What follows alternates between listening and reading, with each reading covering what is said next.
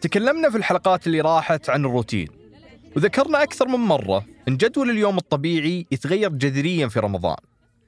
لكن التغير هذا ما هو عشوائي. بالعكس الجدول في رمضان أكثر صرامة من غيره. تتحدد أحداثه بالدقائق حتى.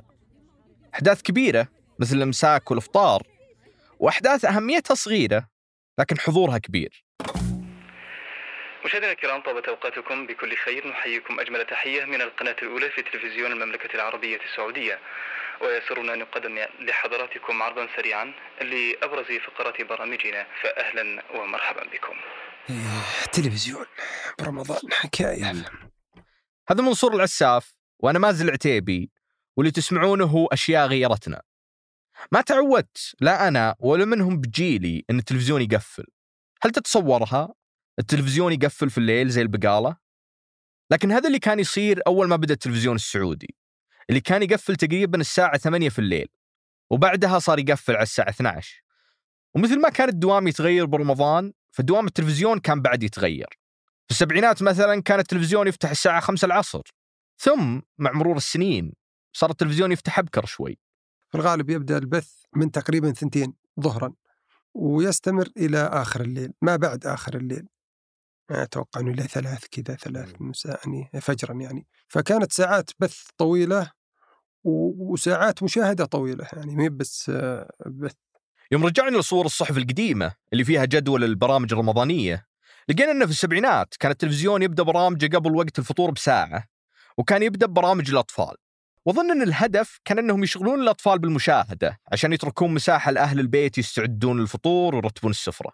برامج الأطفال أحيانا مسلسلات كرتونية أول كانت أجنبية لكن أول مسلسل كرتوني مدبلج هو ظهر في رمضان وتكلمنا عنه. أول تلفزيون كرتون مدبلج للأطفال كان في رمضان اللي هو السندباد عام 99 79 ميلادي.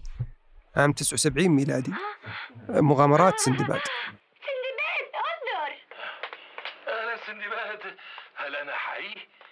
أول كرتون مدبلج رم...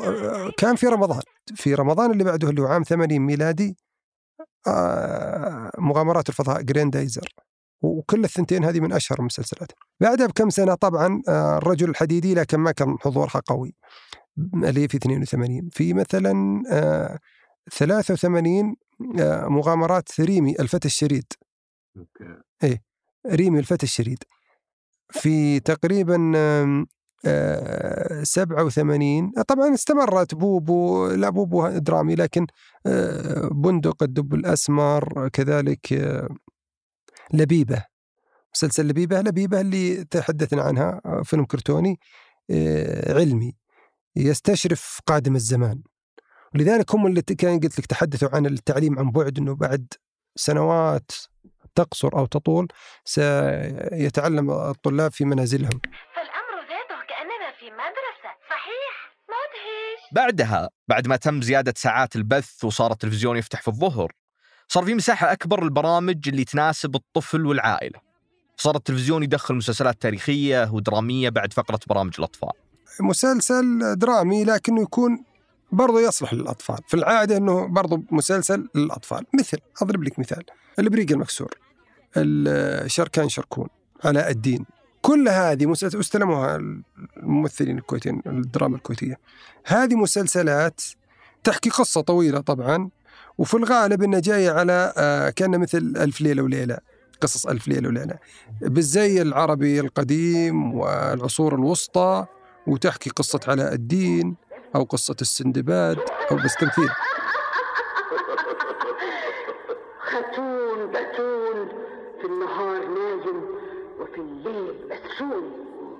أنا أم الدواهي في الشر تلقاني. وفي الخير ما تعرف مكاني. وتكون باللهجه العامية.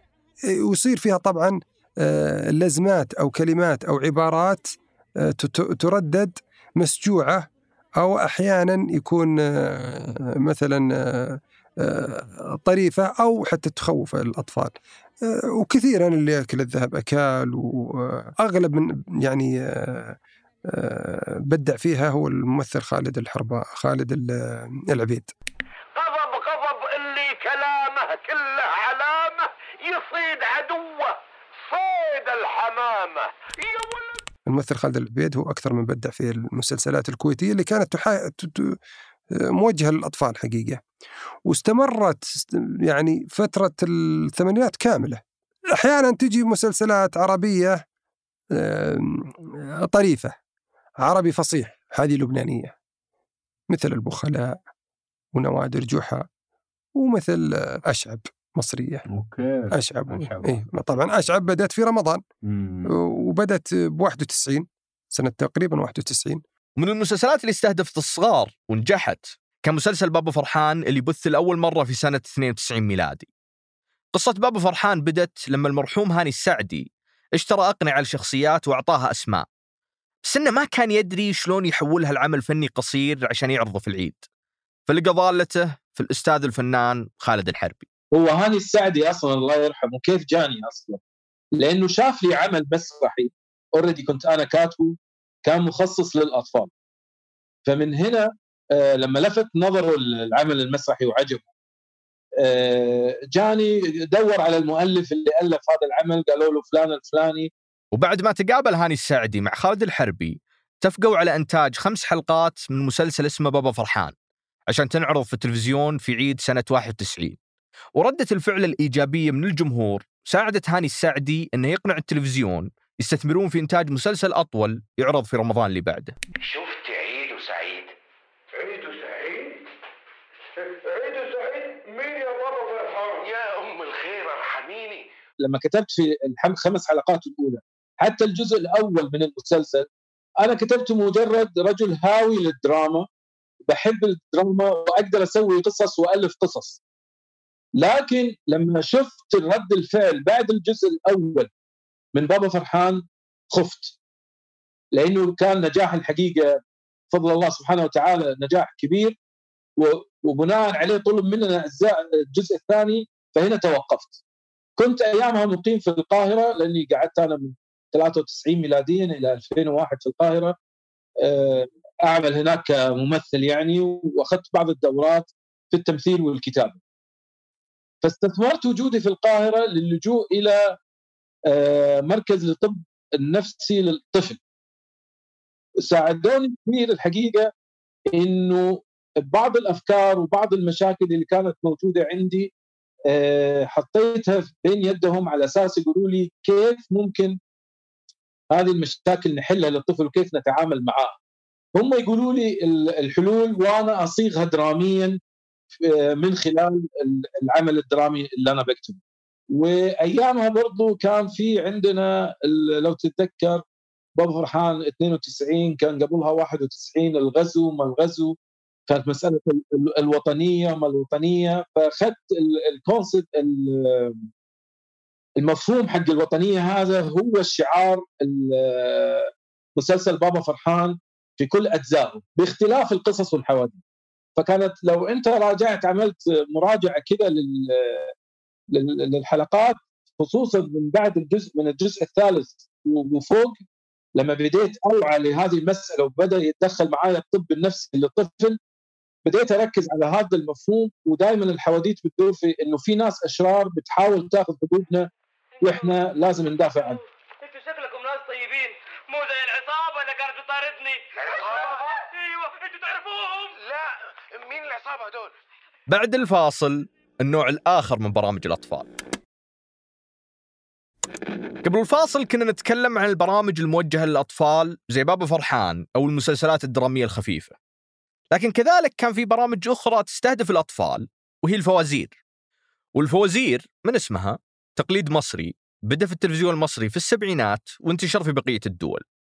ومحليا كانت الفوازير في السبعينات والثمانينات تنعرض بعد وقت الفطور.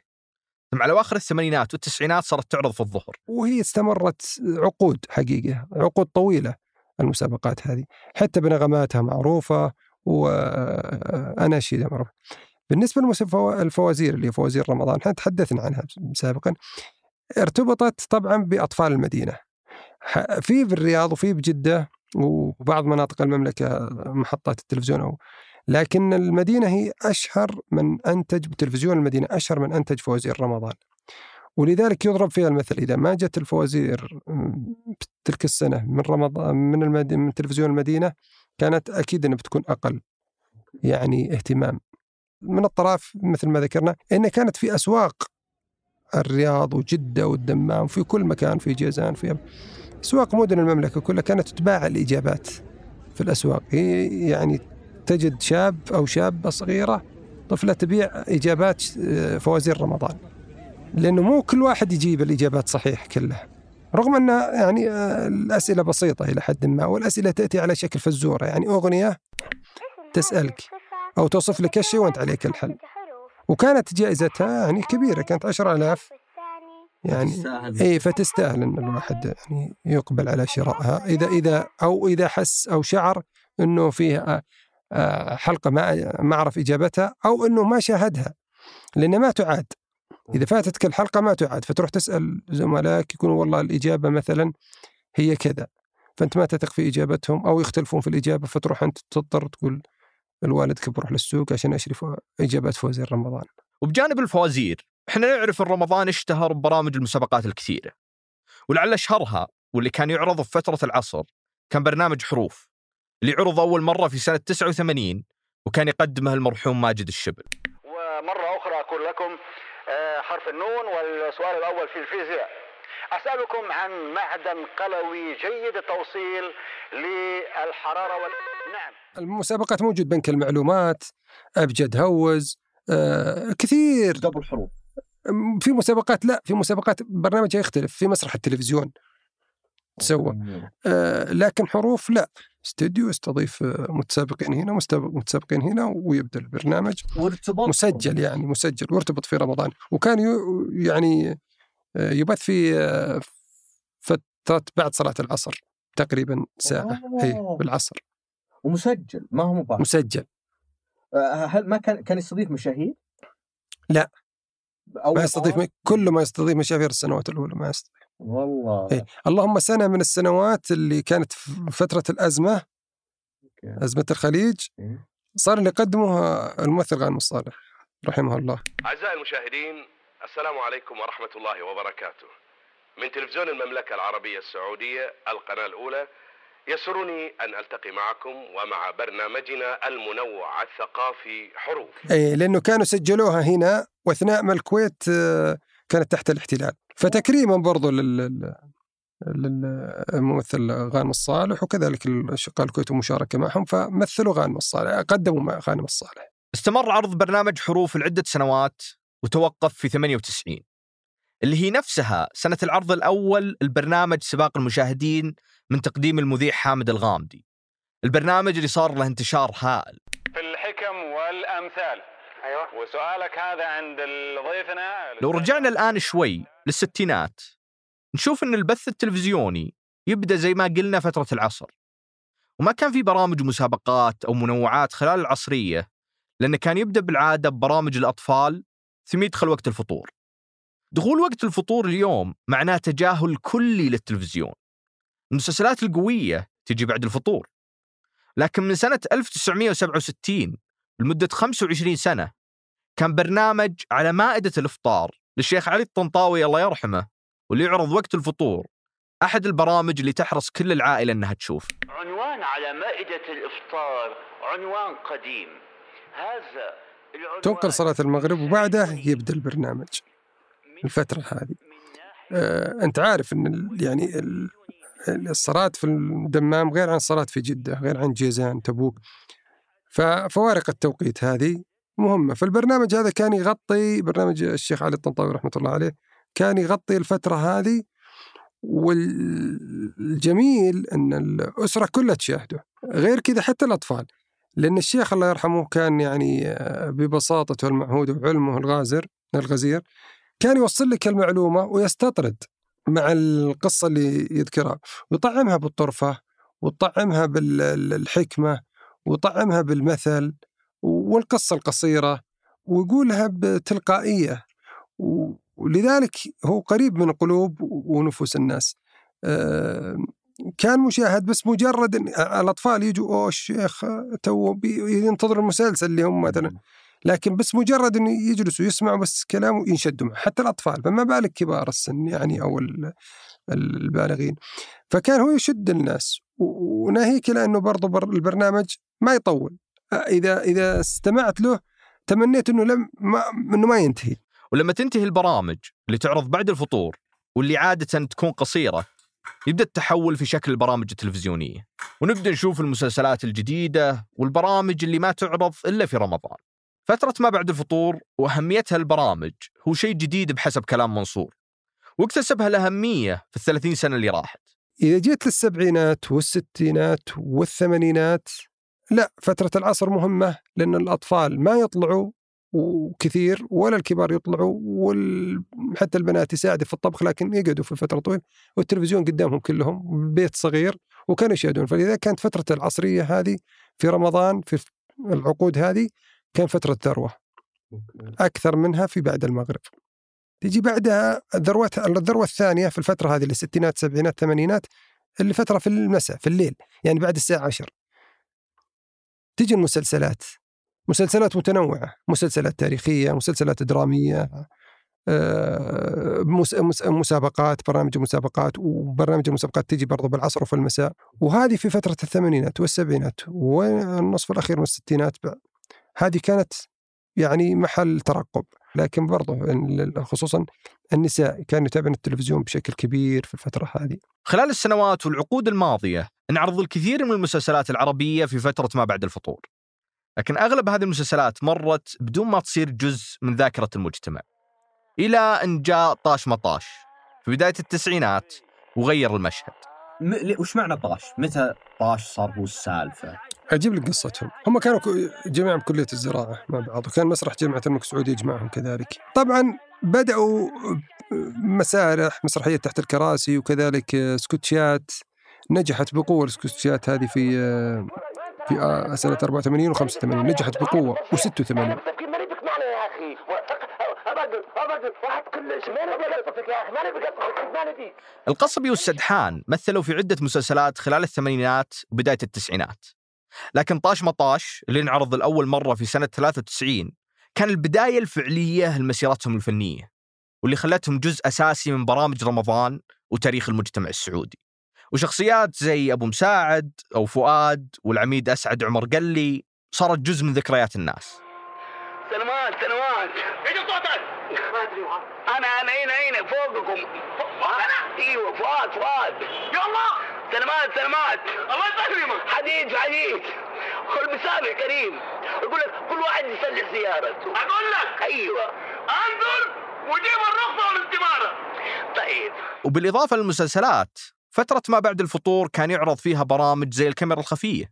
كان في رمضان عام 1984 أول عرض له. وسمي الكاميرا الخفية ولذلك كل البرامج اللي جت بعده سميت الكاميرا الخفية. وكان سعودي. مصري يقدمه فؤاد المهندس الممثل فؤاد المهندس. الله يرحمه. سيداتي انساتي سادتي يا سعدكم يا هناكم لما تشوفوا فقرات الحلقة دي. ونجح نجاح كبير مرة وأثر حتى على المجتمع. و- وخلق مصطلحات جديدة وخلق ظواهر جديدة. وأصبح يعني على ألسنة الكثير من الناس. يعني حتى إذا صار شيء قال لك تراها كاميرا خفية.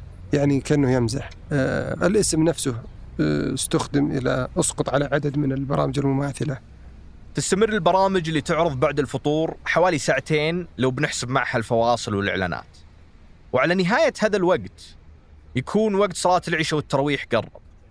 فتلقى البيت يبدون يرتبون ويشيلون كل شيء ويتجهزون عشان يروحون الصلاة. بعد ما يرجعون أهل البيت من الصلاة يفقد التلفزيون أهميته. صح في ناس كثير تنتظر مسلسلات درامية أو برامج المسابقات اللي تجي آخر الليل لكن الأغلب يتوجه اهتمامهم من داخل البيت إلى خارجه. أما الآن وعلى قولة مذيعين زمان فقد وصلنا إلى نهاية بثنا لهذا اليوم.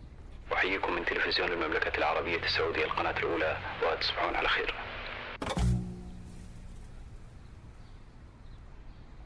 هذه الحلقة من بحث وإعداد الرائع منصور العساف.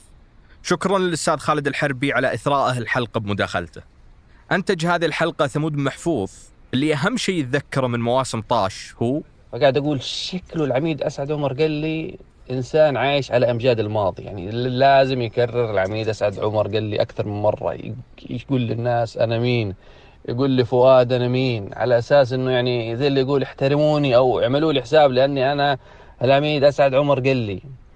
فما أدري أحس هي عقدة نقص هي إنه أصلا مسكين حبة عيني بعد ما تقاعد بس يدور كذا في البيت ويقول للناس أنا كنت أنا كنت وطفي لمبات الكهرباء. فلو تنظر لها كذا برا الإطار الكوميدي يعني ممكن شخصية أسعد عمر قال لي حزينة أكثر إنه شكله بعد التقاعد ما حد أعطاه وجه ما حد عبره فيعني اضطر بس يفهم الناس اللي قربوا له إنه ترى أنا إنسان مهم يعني أنا كنت إنسان مهم ف يعني بس كذا خافوا مني أو احترموني وعملوا لي حساب. أخرجتها وفاء العبد العالي هندسها صوتيا محمد الحسن وجميل عبد الأحد صمم غلافها ريفال الغيلاني. حرر تشويقاتها أحمد حامد. أدار عملية نشرها سلمى وعمر وبثين الإبراهيم وشذا محمد وفهد القصير. راجعها أحمد الحافي. أشرف على إنتاجها أسيل با عبد الله وجميل عبد الأحد. وفي الإشراف على إذاعة ثمانية سحر سليمان.